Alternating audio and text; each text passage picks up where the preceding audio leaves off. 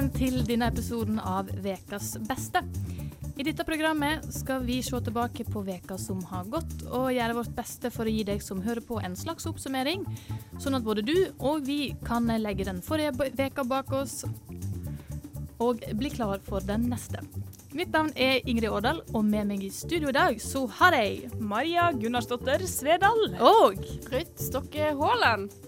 velkommen! Tusen takk. Eh, det var jo ikke med, uten problem vi kom oss på i dag, men det gikk til slutt. det er en stund siden jeg har vært her, iallfall.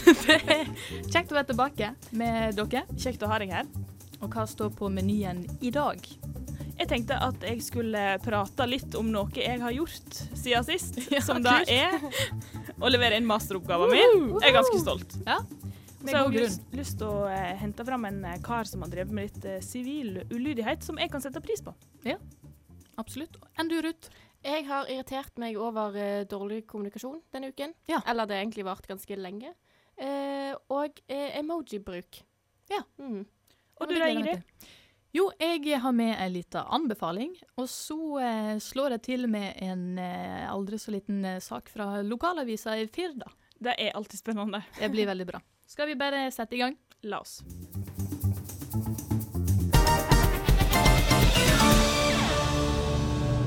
Her i Vekas beste så skal vi aller først til Vekas beste opplevelse, Maria.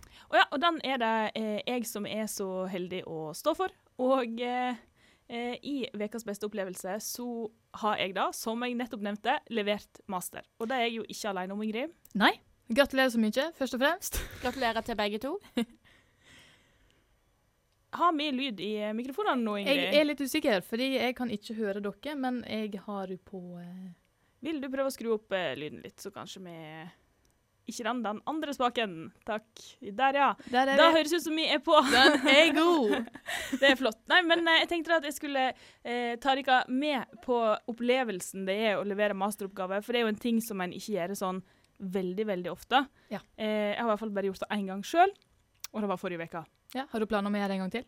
Eh, Foreløpig ikke. Hvem er deg? Nei, samme her. Jeg sier meg godt, godt fornøyd, egentlig. Men jeg å spørre deg, da, Ingrid. Eh, ikke for å utestenge deg, Ruth, men jeg vet at du driver og skriver master, og at Mm. du skal levere den eh, til høsten. Og jeg tenker at da kan det jo hende du kan få noen gode tips her nå, da. Ja, hva du kan gjøre, takk. eller hva du skal styre unna, og hva du bør gjøre. Eh, Så jeg lurer på, Ingrid, hva var på en måte høydepunktet for din del? Var det leveringen, eller var det å feire det etterpå? Eh, opplevelsen av hele masteren Eh, Nei, bare den leveringsdagen, på en Ja. måte. Nei, eh, jeg vil Jeg syns det er litt vanskelig, fordi jeg jobber egentlig fortsatt med å ta det litt innover meg. Det er som om det ikke har sunket helt inn, eh, at jeg faktisk har levert. Men eh, jeg vil nok si det å levere var det kjekkeste. Det å på en måte få det overstått. Og så var jo feiringa veldig kjekk, men jeg var jo så jævla trøtt. og jo den natta før var liksom ikke høydepunktet i eh, Ja, for hvor mye, sov dere, hvor mye sov dere natten før innlevering? Jeg eh, fikk en gode tre og en halv time. Jeg fikk en god eh, hvil på 40 minutter. Så det er jo på en måte et tips til deg, eh, Ruth. Hvis du kan la være å sitte oppe siste natta, så vil jeg eh, gjort det. ja, ikke gjør det. Jeg skal prøve å unngå det, men, men Men, men det er litt sånn ting en kjemper på på tampen, at det er sånn ja, men da kan jeg fikse, og da kan jeg fikse. Og så vet du at du klarer fint å gjøre det hvis du bare sitter oppe litt i. Mm. Så jeg tenker det er verdt det. Ja. Selv om det, en var litt trøtt på den feiringen. Men hvordan var det for deg, da, med tanke på levering kontra feiring? Jeg syns hele leveringen var et stort antiklimaks. Hele dritten? Ja, eh, egentlig, fordi at, eh, men det hører jo med til historien at jeg hadde litt tekniske problemer og måtte ringe til IT-hjelp på UiB og sende e-post og styre på. Sånn at eh, når jeg på en måte fikk beskjed om at jeg hadde, nå var leveringen min grei, da kom det på e-post. Sånn, nå ser det fint ut. Ja. OK, så det var ikke det å trykke på lever-knappen. Jeg fikk liksom ikke Nei, den. sant? Sånn du, du kunne ta den videosnutten. Ja, Nå gjør jeg det. nei, den, den mista jeg litt. Så da, Ja. for meg er den der eh, feiringen der vi, da, vi som hadde skrevet master i lag, møttes og hadde det hyggelig, Ja. den var høydepunktet i leveringsdagen. Ja. Men det var veldig kjekt. At, eh, og at hele gjengen kunne være der. Og de som ikke har levert. Heldig med restriksjonene til Bergen kommune. 100% Men så lurer jeg òg på, hadde du et slags bunnpunkt fram mot denne leveringen? Jeg har hatt mange. um, altså, hva skal jeg si? Jeg syns det er vanskelig. Jeg har um, uh, jeg har som sagt jobba veldig hardt for å få den masteren i land. Jeg syns det har vært tungt på tampen der. Så bunnpunkt Ja, en god del. Jeg har hatt flere sånne netter jeg vet du, før denne der siste natta. Eh, med lite søvn og Så kan vi si at generelt nattarbeid er litt bunnpunkt. da. Ja, ja, og liksom eh, tanken eh, nå gjør meg litt kvalm. Og Ja. tanken på nattarbeid. Altså, jeg er ferdig med det. Så det, det kan være et sånn totalt samla bunnpunkt. Du da, Ruth, er det på en måte noe du driver med? Nattarbeid? Eh, Overhodet ikke.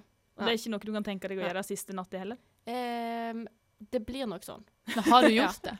Om jeg, jeg har sittet oppe hele natten før, ja. Men, eh, men Så det du, går? Ja, men du er jo sånn som liker litt å jobbe seinere. Ikke nå lenger! Ja. men eh, vi får se. Mm. Men så Det får være våre tips, da. Ja. Eh, prøv å ikke sitte oppe siste natta, men det går fint hvis du må. jeg tenker det er, høres, eh, høres ut som en god plan. Lykke til, Ruth. Tusen Og gratulerer til meg og Ingrid. Da, her i Vekas eh, beste, så eh, er det du, Ruth, som eh, har lyst til å snakke litt om emojis. Ja, jeg har med meg vekas beste emoji. Eh, for Er det du som har kåra den? Eh, ja, det vil jeg faktisk si. Ja. Eh, fordi Forrige uke så kom jeg over artikkelen 'Denne emojien er teit blant ungdom'. Dette kan være grunnen på NRK. Eh, denne saken handler da om at unge bruker færre emojier enn tidligere. Og spesielt denne latter-emojien, altså den som ler som man griner, eh, er det mange som styrer unna. Eh, Sebastian sier 'den er litt cringe'. Mm. Eh, så eh, bruker dere emojier? Jeg bruker en hel haug. Ja, jeg òg. Eh, men vet du hva, det spørs egentlig først og fremst hvem jeg prater med. Ja, ja, det er et godt poeng. Og litt sånn hvilken samtaler samtale er det som blir ført her? Ja. Det- Du plukker på en måte litt opp basert på samtalepartner, men hvis det, når det er folk jeg liksom kjenner godt, så går det veldig fint å prate uten emojis, fordi at man kan skjønne på en måte hvordan noe er sagt uten å måtte føle at man må uttrykke det med en emoji. Ja, Du da, Ruth? Eh, jeg bruker latter-emojier mye, jeg. Eh, eh, jeg tror jo jeg bruker mye emojier. Eh, og jeg har jo eh, gått igjennom eh, en del eh, chatsamtaler for å sjekke ut dette her, da. Eh, og ja, alle vi tre bruker emojier, og alle bruker latter-emojien. Å ja. Det synes jeg, eh, Føler vi oss litt gamle når det er sånn at noen begynner ungdommen å si at Ja, sånn det for- Ja, nettopp det. Nå skal du høre. Ja. Fordi Maria, 16 år, skriver jeg bruker det bare når jeg snakker med besteforeldrene mine og med gamle folk. og da ja. Mm, så videre i denne undersøkelsen min da, av mine egne chatsamtaler, så ser jeg at latter-emojien min eh, er mest frekvent i samtaler med min mor og min tante. Ja. Oi. Mm. Mens lillebroren min, som da er 21-22, ingen emojier i det hele tatt. Hmm. Så du òg er litt sånn som Ingrid, da, som tilpasser deg til samtalepartner? Eh, ja, eller jeg sender masse til lillebroren min. Jeg sender masse til alle. Men eh, han det er som disse ungdommene her, da, som ikke bruker eh, emojier i det hele tatt. Så det er rett og slett i, i forskjellig emoji-generasjon, da? Ja, det er nettopp det. Det er jo millennials og generasjon Z, Tenk at vi har blitt ukule. Nei, nei, nei. nei, nei. Altså, et, viktig poeng her er jo at vi er ukule blant de som er en generasjon under oss. Vi er jo ikke ukule blant vår generasjon. Nei. Og jeg tenker at eh, personlig er jeg mest opptatt av å være kul blant dikka, Ja. Ja. heller enn blant 16-åringer som syns det er teit at jeg bruker latter-emoji. Jeg vil helst være kul for deg, egentlig. Var ikke- Skulle ikke de òg eh, av, eh, altså, avlyse bruk av sideskill og Ja, og stramme bukser. stramme bukser? Ja. Altså Ja, sant. Ja, Sånne det var en greie. ting ja. som er litt sånn «Ah, Men det gidder jeg faktisk ikke å ta til meg. Jeg merker jeg er blitt altså så lite oppdatert. Ja. jeg har mista det helt. Det har jeg òg blitt. Fordi eh, med den her, eh, Da jeg leste den emoji-saken, eh, så begynte jeg å tenke på andre emojier. Eh, jeg bruker mye tommel opp.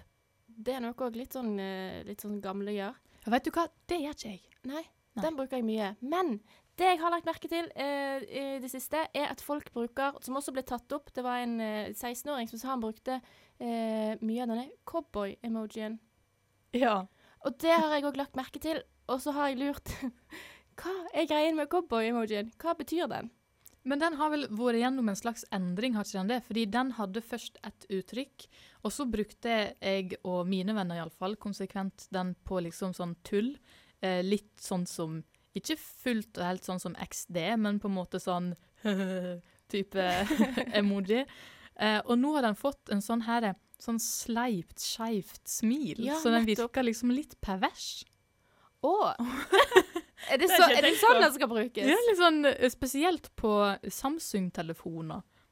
Ja, for det Ja. er jo en ting med emoji at en vet jo aldri helt hvordan det kommer fram Nei. eh, ja, motparten. De ser jo annerledes ut på iPhone, som jeg har sjøl. Så mine favoritter er da eh, solbrille-emoji og brille-emoji. Ja, den vet jeg Ja, du liker. Det har jeg lagt merke Jeg er fan av de to, men der er det et problem at når du skriver inn den ene, så kan det godt hende at den som eh, mottar den, får den andre. Og de er, ikke, de er ikke helt sånn komplementære, du kan ikke bruke dem likt.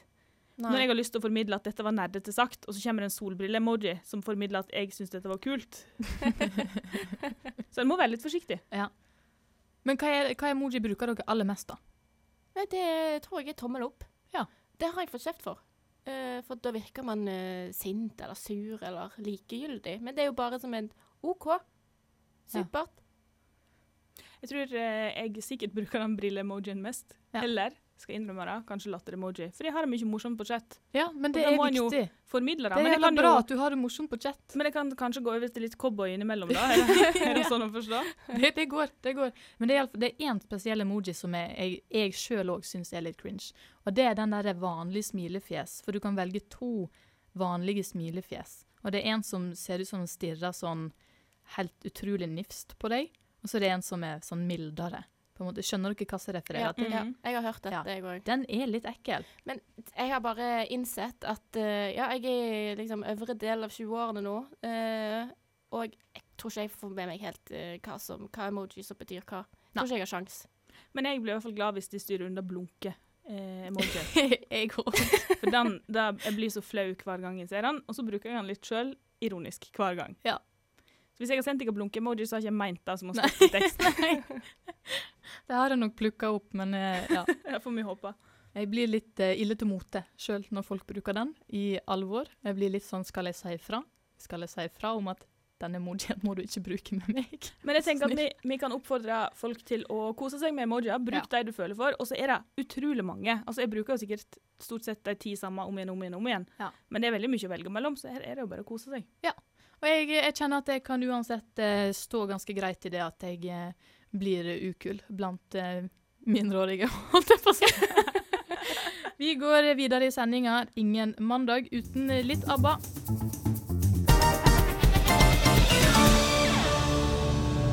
Ikke veldig overraskende så er det du, Maria, som har med deg ukas beste nynorskproblem. Ja, jeg er jo veldig veldig glad i nynorsk og eh, fan av det meste som har med nynorsk å gjøre. Og denne eh, veka her så har det jo skjedd noe i eh, nynorskverden der noen har fått problem fordi de er nynorskbrukere. Og det må vi jo ta opp her. Eh, aller først eh, deres forhold til eh, nynorsk, Ingrid. Elsker det. Og Ruth. Elsker det. Nydelig. Da har vi et godt utgangspunkt for å være enige her i dag. Fantastisk. Men det har nemlig sånn at det er aldri helt enkelt å være nynorskbruker, og det er det heller ikke i Heimevernet. For det er en som heter Erlend Trones, han er 40 år gammel, og de siste ni årene så har han bedt Forsvaret om å kommunisere med han på nynorsk, noe han ifølge mållova har både lov og rett til å be om. Seks år etter den første klagen så fikk han hjelp av Språkrådet, men heller ikke da så har det ført til noen endring. Og VG de skriver da. Det hele begynte i 2012 med et brev til Bergenhus heimevernsdistrikt. Ja, det er på bokmål, så det er jo kjedelig. Om at han ønsket å få innkallinger og annen informasjon på sin målform, men de påfølgende årene uteble nynorsk fra korrespondansen fra Forsvaret. Ifølge mållova har privatpersoner rett til å kreve en viss målform i kontakt med statsorganer, slik Forsvaret er. Loven innebærer også at skjemaer skal være tilgjengelige på begge målformer. Og kommunikasjonssjefen i Heimevernet, oberstløytnant Per Gunnar eh, Grosberghaugen, han eh, skriver da til VG at de legger vekt på bruk av begge målformer, og da, blir, eh, da kan en se det på nettsidene deres og i Heimevernsbladet. Men soldaten her, han har helt rett. Målloven den gjelder òg i Forsvaret. Og det er derfor lett å forstå frustrasjonen når våre soldater opplever at vi ikke tar dette på alvor, alvor sier oberstløytnanten. um, og han her eh, heimevernssoldaten, da, han bestemte seg for å eh, Ja, men da bare slutter jeg å, å svare. Fordi at eh, hvis jeg ikke får på nynorsk nå etter ni år med mas, så bare lar jeg være å svare. Det var den sivile ulydigheten som han valgte å utøve ved å nekte å svare på det elektroniske bokmålsskjemaet. Det førte da til at militærpolitiet de ringte til han og sa du må faktisk svare på dette her, det er du pliktig til. Hvis ikke kan du få bot og straff og alt mulig greier. Og til, til slutt så sendte han da en e-post på nynorsk om at jo, jeg kommer til å møte opp, men jeg skriver det på nynorsk. Eh, og så tenker jeg at eh, Personlig så syns jeg dette her er, er, fint, at noen står på kravet og kjemper sin sak. Men dette blir også da, altså hvis denne saken har et kommentarfelt, så blir jeg livredd for å gå inn der. Fordi selv om nynorskstemningen her i studio er veldig god, og han eh, Erlend eh, gjør en god jobb her, ja, jeg må si først og fremst kudos til Erlend Trones på 40 som eh, Altså, god stamina der. Ja. I ni år. Ja. Vær så snill, kan jeg få det på nynorsk? Ja, og så står det at han har sendt høflige brev, og han har eh, mast og, og sendt forespørsler, og det har involvert Språkrådet, og de har sagt han har rett, de må følge denne loven. Og så bare Nei, da gidder jeg ikke mer. Og så ringer de og kjefter på han. Det er ganske alvorlig, er det ikke det, egentlig? Så, jeg har lest den saken, og Språkrådet, reagerer jo ganske sterkt. Eh, for, fordi, hva var det de sa? De viser jo rett og slett ingen vilje til å ville skrive på nynorsk. Og hvor vanskelig kan det være? Ja, og dette her gjør jo òg at Forsvarsdepartementet bryter målloven. Og er det ikke noe bot for det? Det er det jo ikke. Nei, det er nettopp det. Det skulle søren meg ha vært inn, innført med bot for brudd på mållova, for det er ikke første gangen det skjer. Men det er jo en av de tingene som Norges Mållag kjemper for å få inn i den nye språkloven, som, blir, som er vedtatt, men som da starta i 2022. De ville ha inn der at her skal det kunne bli sanksjoner hvis folk bryter loven. Det fikk de ikke gjennom. Og da må folk holde på sånn som han Erlend Trones her, og kjempe i år etter år etter år for å få eh, gehør. Ja. Og, og det er jo ikke første gang noen har eh, kommet i avisa fordi at de har et nynorskproblem. Det har jo vært folk som har fått bot på bokmål, nekta å betale, Mm. før han kommer på nynorsk. Det har blitt dyrt. Ja. Da, da kommer det jo gebyr. Men er det sånn å forstå at du, du, du er rett og slett litt redd for å gå inn i kommentarfeltet? Eh, akkurat det kommentarfeltet her eh, tror jeg ikke jeg har lyst inn i, for jeg har en sånn god følelse etter å lese denne saken, og den Ja. tror jeg fort blir ødelagt Ja. i et kommentarfelt. Ja. Nei, men eh, vi får eh, gi slipp.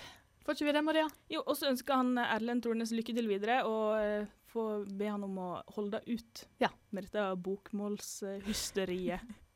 Får ønske han eh, lykke til. Her er King of Letting Go med Sondre Lerche.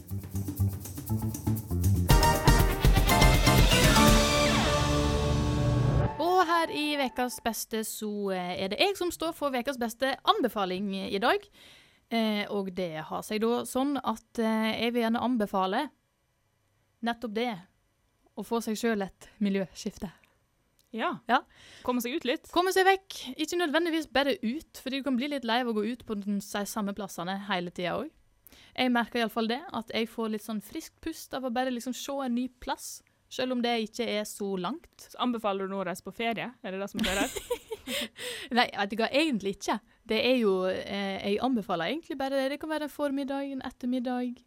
Eh, reise og se et eller annet plass du ikke har sett før. Er, det noe, er dette noe du har gjort i det Ja, siste, kanskje? Ja, det er det er det. en sånn glød her som eh, Jeg har gjort det, og det er veldig fint. Det er fint selskap og Hvor er det du har vært? Jeg har vært på Turøy. Det har ikke jeg hørt om før. Nei, det er eh, eh, ikke så veldig langt unna Sotra, om jeg tar riktig. Jeg er helt elendig på geografi. Det var det jeg fant ut av. utover mot Sotra, ja. Ja, takk, Mm. Ruth. Takk. Der er mye flott eh, bergnatur, og eh, ting som du ikke ser så mye i Bergen sentrum. Og hva var det du drev med der? Eh, jeg var, gikk rundt med Olav da. Ja, en liten romantisk vandring. Ja, Er det egentlig det du anbefaler? det kan jeg òg anbefale. Jeg kan slenge det med i båten. Men Så dette er en plass en kan reise til for å gå tur? Ja, gå turer, eller bare sette seg ned. Du kan bare kjøre, parkere, sette deg ned i en stol. Eh, du kan bade der, få skikkelig fred. Det er ikke dekning eh, hvis du kjører på den rette plassen. Så bare følge en eller annen vei inn en plass. Så det er utrolig deilig avkobling. Og for de som liker å klatre, så er det mange som klatrer der. Ja. Så det var eh, du og Olav og masse klatrere som var på utflukt i dag? Ja, nei, egentlig ikke. Men vi så et par når vi skulle stirre litt på veggen. Ja, Vi men, har åpenbart så gøy. ikke klatra. Nei, så det anbefaler jeg folket. Komme seg ut. Så det er ikke nødvendigvis reis til Turøy, men Nei. eh, reis og oppleve en ny plass? Ja. Ja, fordi, hvis jeg kan få komme, komme og snike inn en liten anbefaling på sida her, da. så- Veldig gjerne. En ting som jeg ikke har gjort, men som jeg har lyst til å gjøre, er å ta den båten som heter Beffen. jeg har aldri hørt om. Du kjente den, Ruth. Det kjenner jeg ikke. Ja. Har du tatt den? Nei. Kan du forklare Ingrid hva som er greia med bøffen? Eh, jeg vet egentlig ikke. Det er en bitte liten Det er en liten, liten båt som Ja, går fra båt. bryggen til Eh, akvariet, tror jeg. Ja, det er noe sånn. Ja. Så den er, kjører liksom f i vågen. Fram og tilbake. Tut, tut, tut, tut, tut. Det er jo en fin måte å komme seg til akvariet på. Ja, og det er jo ikke sånn at jeg ikke kan gå den strekningen, men jeg bare tenker at det er en opplevelse som Ja. en har rett utenfor døra her, som er veldig lett og tilgjengelig. Og det tror jeg er en konsekvens av korona. At man, man har lavere terskel for hva som blir ansett eh, som en opplevelse. La oss håpe på mange gode sommeropplevelser. Her kommer 'Smak av honning' eh, av De Lillos.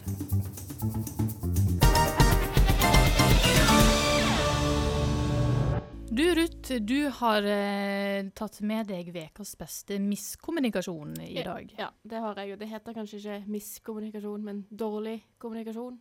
Ja, Du har i hvert fall laga ordet miskommunikasjon, og det fungerer for denne her sammenhengen, syns jeg. Ja, jeg syns det passer. For nå har vi levd med denne pandemien i eh, snart halvannet år.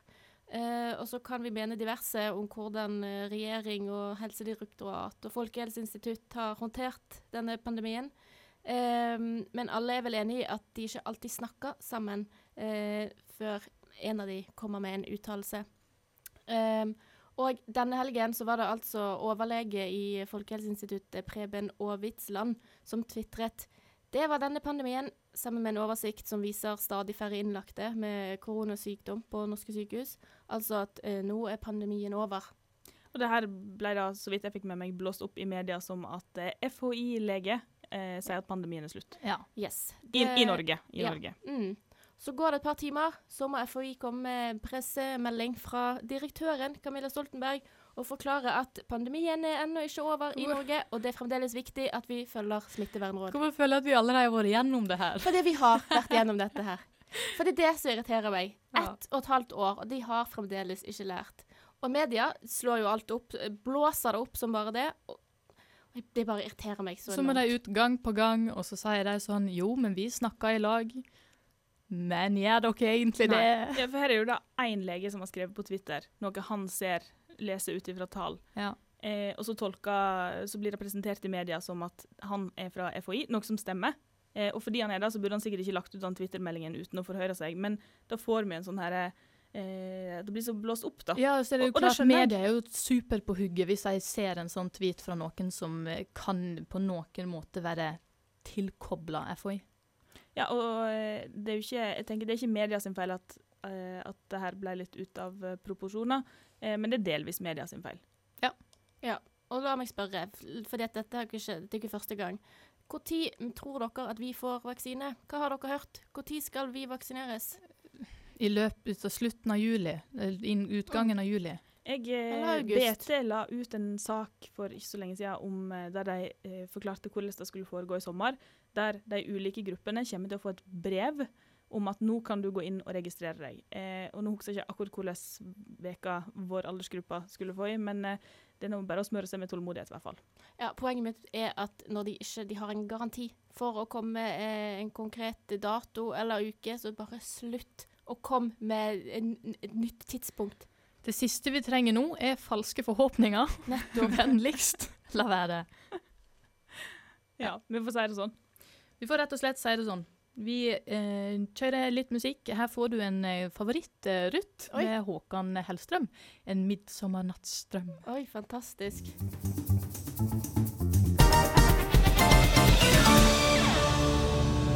Da er vi tilbake her i Vekas beste, og det er jeg som skal hente fram Vekas beste låt. eh, Ikke låt, men sak fra lokalavisa. Min egen lokalavis, Firda, Sunnfjord. Og hva er det Firda har å by på forrige uke? Jo, eh, man kan jo si det at eh, i lokalavisene så er det en kjent sak at det er mye nyttig og interessant for eh, lokale innbyggere, men så er det òg noe vel overflødig kjappsaker, kanskje. Eh, så jeg har gått litt lei av sånne værmeldingssaker, og sånn eh, gjør du hvis du har pollenallergisaker. Men her var altså en eh, ekspertsak som fenger meg veldig, som handler om eh, solkrem og soling. Og det er jo eh, veldig bra jobba av lokalavisa, og ikke minst nyttig informasjon til folket. Og den vil du nå dele videre? Det vil jeg veldig gjerne. Og Det er da solvettreglene. Så planen er jo at eh, altså de generelle anbefalingene er jo å ta pause fra sola og smøre seg med solkrem. Eh, men så er det òg en hel del myter om det som har å gjøre med solkrem og soling. Så da tenkte jeg at jeg kunne benytte anledninga til å anbefale bruk av solkrem med uttalelsene til en hudlege, aka ekspert på feltet, som støtte til anbefalinga. Den første myta den eh, er altså at man blir ikke brun når man bruker solfaktor 50. Det hadde jeg tenkt sjøl. Det har jeg òg tenkt. Jeg har smurt meg masse med 50, fordi Ja. jeg vil heller ikke bli brun enn å bli rød. Nettopp. Og jeg har ikke vært like klok som deg. Eh, i, opp igjennom har jeg gått på noen gode eh, solbrente stunder. kan Og det har jeg òg, Ja. på tross av min 50. ja. Men eh, poenget da til eh, eksperten, som jeg nå har eh, kalt han, er at det er minimal forskjell på solfaktor 50 og 30. Du vil bli like brun, men det kan ta lenge tid hvis du bruker solfaktor 50. Men ved 50 så unngår du å bli solbrent underveis. Og om du bruker solkrem med faktor 50 ei uke med sol, kontra ikke nok solkrem eller ingen solkrem ei uke med sol, så blir du bedre brun fordi du slipper forbrenninga.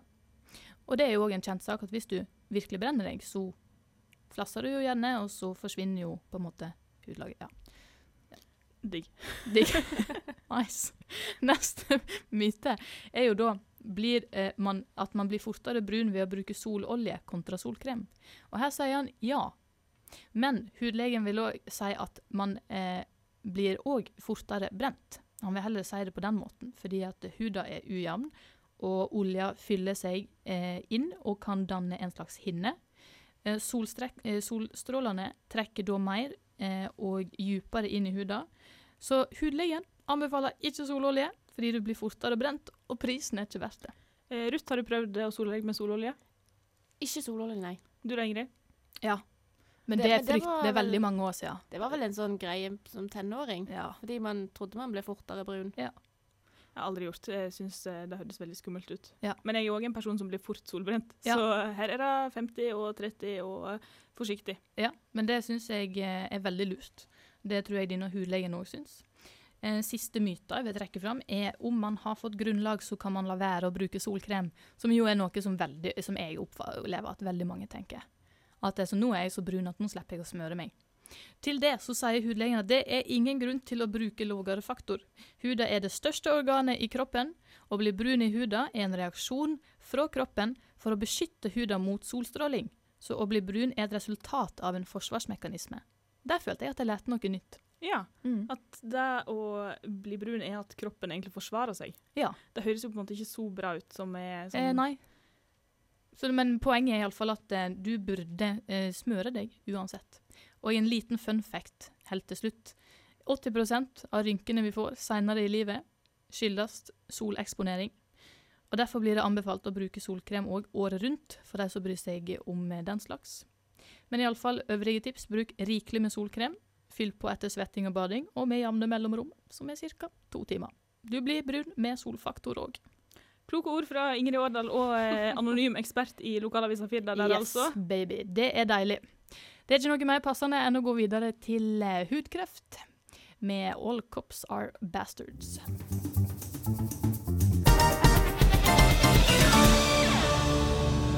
Og da er vi kommet til veiens ende for eh, denne gangen her i Vekas eh, beste. Og hva er det vi pleier å gjøre da? Nei, nå har det vært veka etter veka med motivasjonssitat innsendt fra deg, Ingrid. Fordi du er Vi har iallfall presentert deg som den store fanen av eh, motivasjonssitat. Og sånn, det har på en måte bare blitt mer og mer forsterka ved at du ikke har vært her og kunne forsvare deg sjøl. Ja. For det er sånn vi holder på her. Eh, men det har vært både til eh, glede og til litt frustrasjon, for noen av de sitatene du har sendt, har vært ganske dumme. Ja, men jeg er faen ikke uenig i det. Nei, du har blitt påvirka i vår retning. Eh, Men jeg må ærlig si det, jeg hadde jo et sånt mantra at jeg skulle få dere til å like motivasjonssitat. Så har det egentlig endt opp med at jeg har vært så lite motivert sjøl, og så har jeg drevet og leita etter alle disse motivasjonssitatene, som jeg fortsatt heller en knapp på at ofte kan funke. Men jeg tror jeg har fått et annet blikk på hva et motivasjonssitat er for noe, eller kan være. Det er veldig mange dumme ting som jeg eh, kanskje når jeg ikke har vært så motivert, da rett og slett har innsett at det har noe å si. Har du blitt eh, motivert, eh, Ruth? Eh, nei, jeg har egentlig ikke det. Men jeg, men jeg tror kanskje at Ingrid har blitt litt motivert. Herlighet, du har jo levert masteroppgaven din. Ja da, det gikk til slutt. Det, kan du takke disse motivasjonssitatene dine litt? Mm, kanskje bitte litt i begynnelsen. Kanskje bitte litt. Men eh, når det på en måte sto på som verst, ikke så mye motivasjonssitat, altså. Men det er der jeg kommer til vrien for eh, dette motivasjonssitatet. Og det er fordi jeg har innsett at hva er det jeg egentlig har henta mest motivasjon ifra? Det er masse ulik musikk som jeg har hørt på, med tekster som jeg er veldig glad i. Eh, så da har jeg altså tatt med meg eh, eh, et lite utdrag fra en låt som jeg er veldig glad i. Som du nå skal lese for oss? Som jeg nå skal presentere, og som jeg vet at Ruth kommer til å dø av hva all cringen det medfører. Mm. Jeg ser det på deg at du lider litt allerede. When you walk through a storm, hold your head up high, and don't be afraid of the dark. At the end of a storm, there's a golden sky, and the sweet silver song of a lark. Nydelig. Den kjente låta 'You'll Never Walk Alone'. Uh, Ynn var der. Uh, uansett så uh, tenker jeg at eh, jeg står for det, at jeg henter motivasjon og styrke fra ulike låter. Men jeg må jo faktisk eh, innrømme at eh, mine egne motivasjonssitat har ikke motivert så fryktelig. Men jeg tenker det som er bra med dine motivasjonssitat, er at eh, det er god underholdning. Og så kan vi jo tenke på sånn Hvorfor har alle motivasjonssitatene våre på engelsk, f.eks.? Blir vi mer motivert når det er på et fjernere språk? Det er mye å ta tak i med Ja. Det er vet, jeg skyter skyte inn. Hør litt på Trygve Skaug. Veldig mye god motivasjon i norske, norske innpakka i norske språket. Har du et eh, motivasjonstips mens eh, Ingrid eh, setter på avslutningen av sendingen? Jeg? Ja. Eh, faktisk så tror jeg at jeg vil eh, komme Det som hjelper en litt motivasjon, er et bad. Et kveldsbad. Kveldsbad. Det har jeg gjort de siste dagene. Fantastisk deilig. Og, men det tror jeg faktisk jeg skal vurdere å gjøre allerede i dag. Fordi Bergen viser seg jo fra sin fineste side dag etter dag nå. Det er den! 100 Det er deilig når sola skinner. Blir du med å kveldsbade, Ingrid? Jeg er med. Jeg skal hoppe. Jeg skal prøve å stupe og ikke gjøre mageplask. Da får vi vel bare si eh, takk for oss og sånn, da. Vi får gjøre det. Det var utrolig hyggelig, folkens. Og så kommer vi tilbake neste uke med mer motiverende saker og ting. Ja, Det får vi da endelig håpe. Ja, takk og takk. Ha det bra. Da får vi prøve å holde praten i gang eh, bitte lite grann til her. Den går i det uendelige. En eh, trivelig avslutning på eh, sendingen her i dag. Og vi koser oss. Og håper at du som har hørt på, har hatt en eh, fin sending.